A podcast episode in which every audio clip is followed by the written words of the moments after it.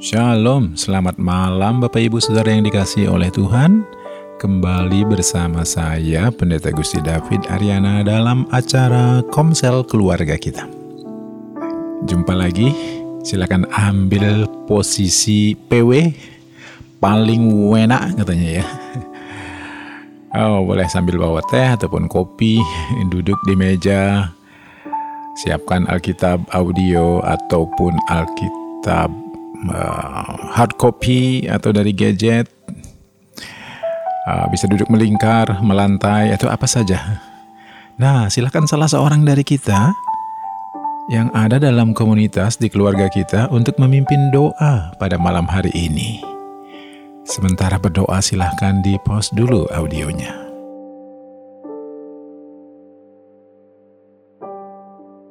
Bapak ibu saudaraku yang dikasih oleh Tuhan, pada minggu ini ada banyak hal yang menyenangkan. Saya sempat pulang ke kampung mengantar ibu di rumah biasanya Nini. Lalu kemudian melihat hal-hal yang dikerjakan di sana dan dimimpikan dan direncanakan. Uh, beberapa apa, peternakan kecil di sana berjalan dengan baik. Pohon-pohon yang ditanam di masa sebelum pandemi yang lalu dicek, wah bertumbuh bagus sekali. Karena dalam tahun ini kita dapat curah hujan yang bagus ya. Lalu kemudian selalu ada saja pekerjaan yang bisa dikerjakan. Lagian juga dalam pekan ini saya mendapat satu statement yang bagus sekali dari seorang hamba Tuhan yang katakan bahwa orang yang tahu bagaimana? Orang yang tahu bagaimana? Uh, the man who know how will always have a job. Orang yang tahu bagaimana dia akan selalu punya pekerjaan. Jadi nggak akan pernah nganggur ya. Akan melihat peluang-peluang yang bisa dikerjakan. Nah uh, itu jadi bunga tersendiri. Lalu perjalanan ke mana pun pergi ya hati damai Lalu kemudian ada pekerjaan yang sedang dirintis oleh anak kami, Nathan, akan dimulai dalam pekan ini. Jadi hari ini dia berangkat uh, ke Kupang. Oh, sebenarnya kalau didengarkan ini kemarin ya, karena hari Senin ya. Uh, oh ya untuk diketahui sebenarnya ini rekamannya dibuat hari Senin, lalu kemudian disiarkan di hari Selasa. Jadi dia sudah tiba di sana bertemu dengan tim uh, membuat grup yang lagi rame sekali chattingnya sebenarnya dalam ketika saya sedang siaran ini kerang kering kerang kering tadi sambil lupa matiin ya. Jadi uh, ada hal yang mengasihkan, ada bunga, bunga, bunga dan mimpian berjalan bersama dengan Tuhan yang sedang mekar. Ada juga hal-hal yang tidak sesuai dengan harapan, itu lazim, biasa. Karena kalau ada hal yang tidak sesuai dengan harapan kita terjadi, Tuhan sedang melatih respon kita supaya terus merespon dengan benar di masa-masa tekanan, di masa-masa di mana ekspektasi kita tidak sesuai dengan realita yang terjadi seperti itu. Ada yang menyenangkan, ada yang membuat stres. Nah, silakan Bapak Ibu Saudara yang dikasih oleh Tuhan di dalam keluarga kita masing-masing boleh berbagi Ya, beberapa anak-anak tentu sudah mulai sekolah ya dengan on, uh, sekolah online dan uh, beberapa informasi barangkali yang menyenangkan bisa ketemu teman, bisa disaringkan di dalam komsel kita. Silakan berbagi bunga dan duri dan saling mendoakan. Untuk itu, silakan jeda sejenak. Silakan di pause audionya sementara berbagi.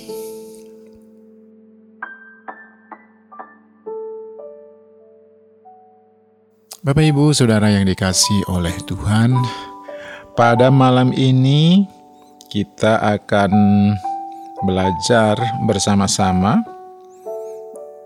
dari satu kitab yaitu kitab Esther. Wow. Ini sebenarnya adalah juga materi yang sedang ataupun satu kitab yang sedang di dibaca oleh grup ABA kita ya. Ayo baca Alkitab baik di baik di uh, Perkarya baik juga di uh, pemuda, demikian juga di uh, perkawan. Kita sedang sampai di kitab Esther. Jadi uh, dalam pekan ini kita telah membaca, tentu bisa direview lagi nanti ketika beberapa pertanyaan-pertanyaan penuntun melalui komsel keluarga ini uh, saya pandu dengan beberapa pertanyaan. Mari uh, siapkan saja buka kitab Esther ya. Nah, kalau lihat dari pasal pertama, biarkan Alkitabnya tetap terbuka atau Alkitab elektronik kita buat ya standby di situ di di kitab Esther, tinggal di scroll nanti atas atau bawah ke bawah untuk mendapatkan pasal-pasalnya ya. Menurut Esther pasal 1 ayat 1, siapakah Raja Ahasveros? Nah, kita akan belajar ada lima tokoh yang kita pelajari dari kitab Esther ini. Mari lihat bersama-sama, nanti pelajari karakter mereka masing-masing ya. Jadi apa yang pelajaran apa nanti yang kita bisa petik dari tokoh-tokoh yang ada ini. Yang pertama adalah Raja Ahasveros. Nah ini ada nama-nama yang berbeda sebenarnya yang diberikan dalam sejarah. Kalau tidak salah ini juga sama dengan Raja Kerkes seperti itu. Kalau dicari nanti di googling dapatlah tahunnya. Nanti tahun berapa peristiwa ini terjadi karena ini adalah masuk dalam buku sejarah kalau di dalam Alkitab ya. Jadi uh, kalau setelah kitab Mazmur ada apa namanya? Sebelum kitab Mazmur ya, itu ada kitab-kitab sejarah masih masuk dalam kitab-kitab sejarah ini. Uh, ada Esther ada kemarin kita telah baca ada Esra Nehemia itu masuk dalam kelompok-kelompok itu ya. Ada penanggalan-penanggalan tahun-tahun yang jelas peristiwa yang terjadi. Nah siapakah kita, siapakah Ahasveros apa posisinya?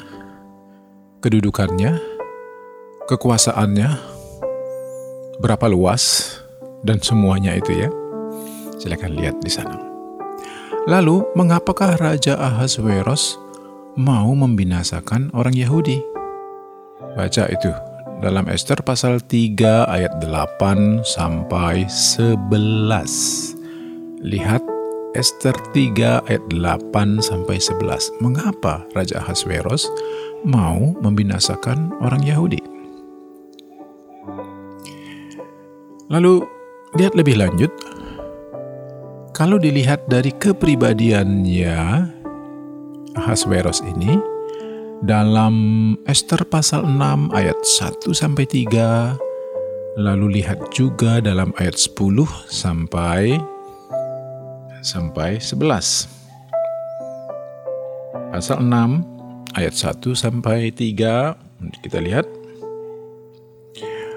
Kemudian Lihat juga ayat 10. Ayat 10 sampai 11 dari pasal 6. Bagaimana sebenarnya kepribadiannya? Apa yang kita pelajari tentang kepribadiannya Ahasverus? Silakan di pause dulu dan silakan diskusikan di dalam kelompok kecil kita masing-masing. Dapatkan jawaban dari tiga pertanyaan itu tadi.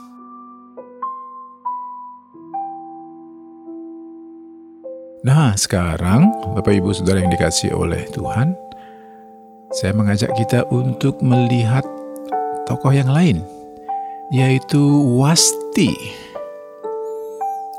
Wasti. Mengapa Ratu Wasti dipecat? Dalam Esther 1 ayat 9 sampai 22. Kenapa dia dipecat sebagai ratu? Lalu Pertanyaan berikutnya tentang Wasti adalah apa hubungannya sikap Wasti dengan peluang Esther menjadi ratu? Esther 2 ayat 17 sampai 18. Sementara mendiskusikan hal ini, silakan di pause dulu audionya nanti bisa dibuka lagi ya.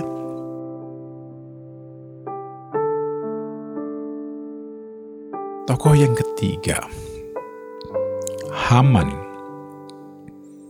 Siapakah Haman? Silakan buka Esther 3 ayat 1. 5, demikian juga ayat 5 sampai 6. Bagaimana kepribadiannya?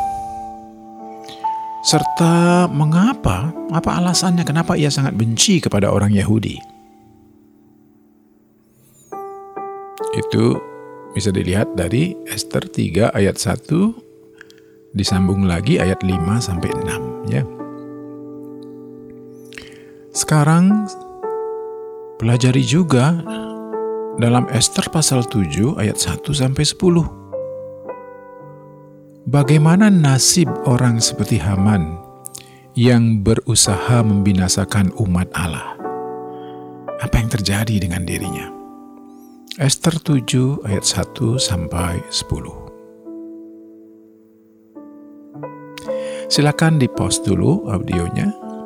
Silakan diskusikan tokoh Haman ini ya.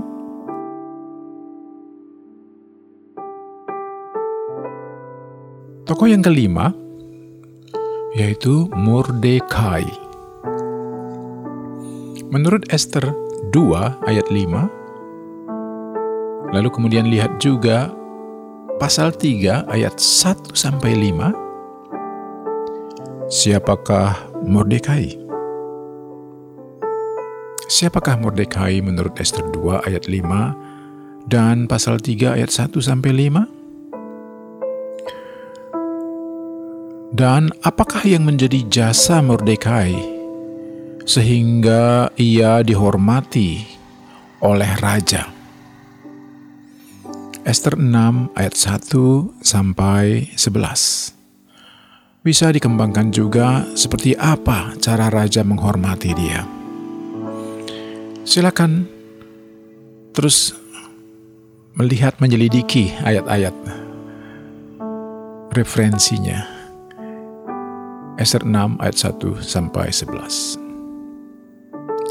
Dan Bagaimana keadaan orang yang taat seperti Mordekai?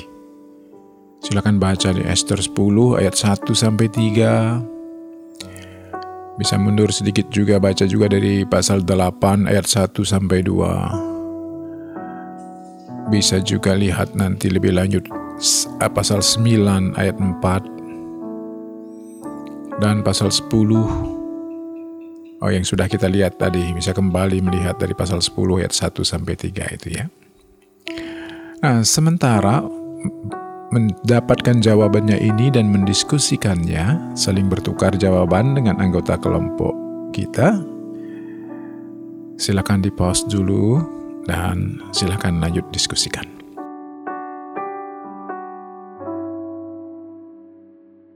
Tokoh yang terakhir sebenarnya adalah pemeran utama juga bisa dikatakan dari kitab ini.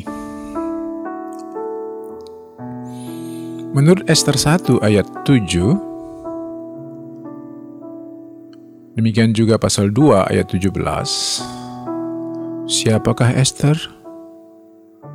Siapa dia sebenarnya? Dan apakah kedudukan Esther dalam kerajaan yang disebutkan itu? Lalu dalam pasal 7 ayat 1 sampai 8, demikian juga dalam pasal 8 ayat 5 sampai 8. Apakah usaha Esther berhasil untuk membawa kesejahteraan atau menolong bangsanya? Sementara berdiskusi, silakan di-post dulu audionya.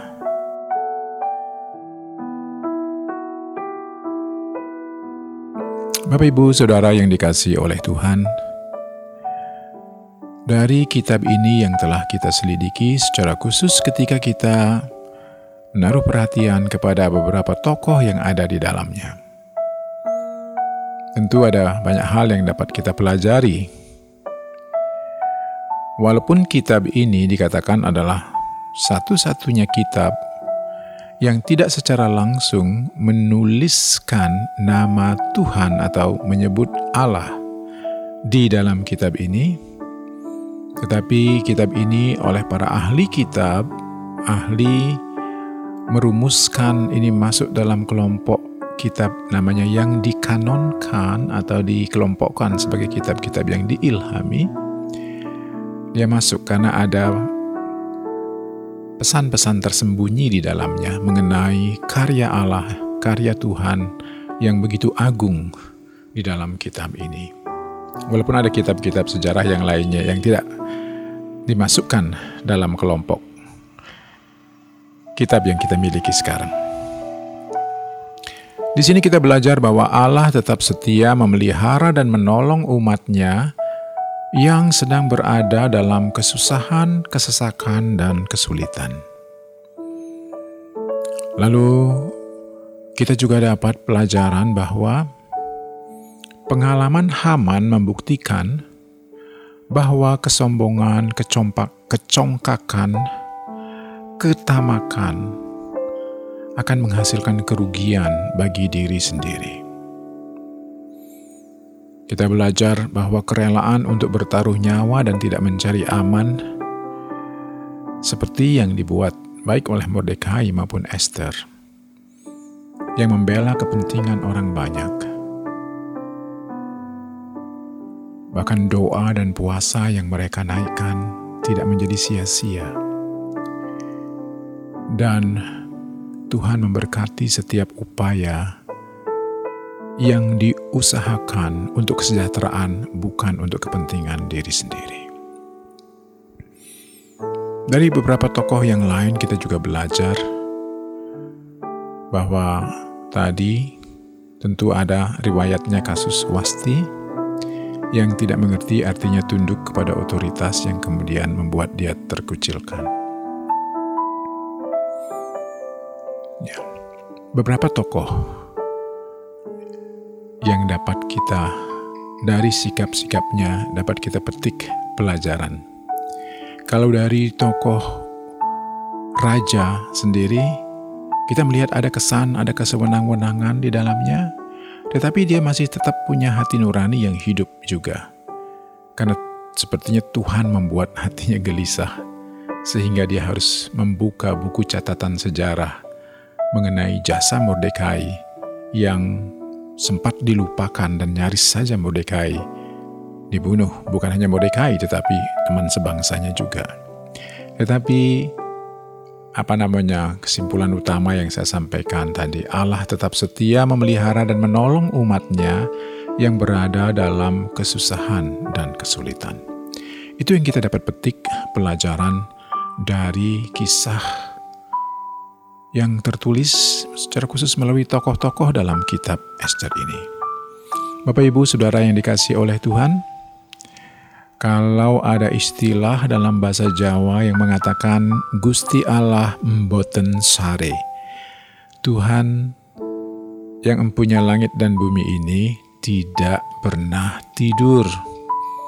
Jadi, walaupun kerap kali diizinkan situasi yang sulit terjadi, Tuhan tidak tinggal diam dan orang yang berseru kepadanya akan diselamatkan. Kiranya Tuhan memberkati kita dan teruslah berharap kepada Tuhan. Kalau pada dalam kisah kitab ini ada kesesakan diizinkan terjadi, tapi orang yang berseru kepada Tuhan kemudian mendapat keselamatan dan kelonggaran. Itu adalah bukti pemeliharaan dan pertolongan Tuhan di dalam masa sukar.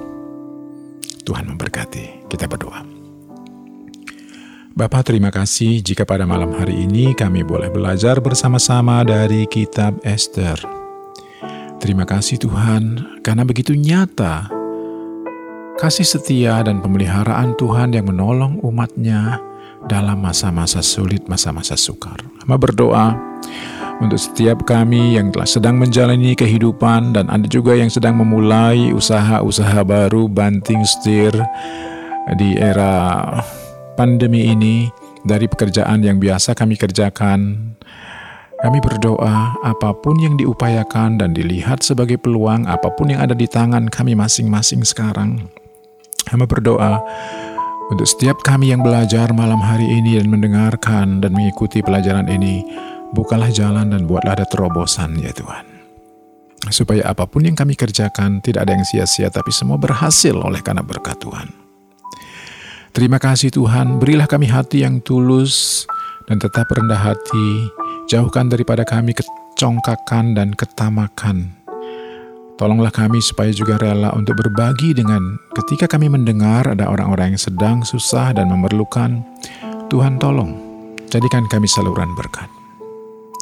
Terima kasih Bapa, terpujilah Engkau. Kiranya kebenaran-kebenaran ini termaterai, terpatri di hati kami, dan ini menjadi milik kami, sekarang dan selamanya. Dalam nama Tuhan Yesus kami berdoa. Amin. Tuhan memberkati Bapak Ibu Saudara. Sampai jumpa minggu depan.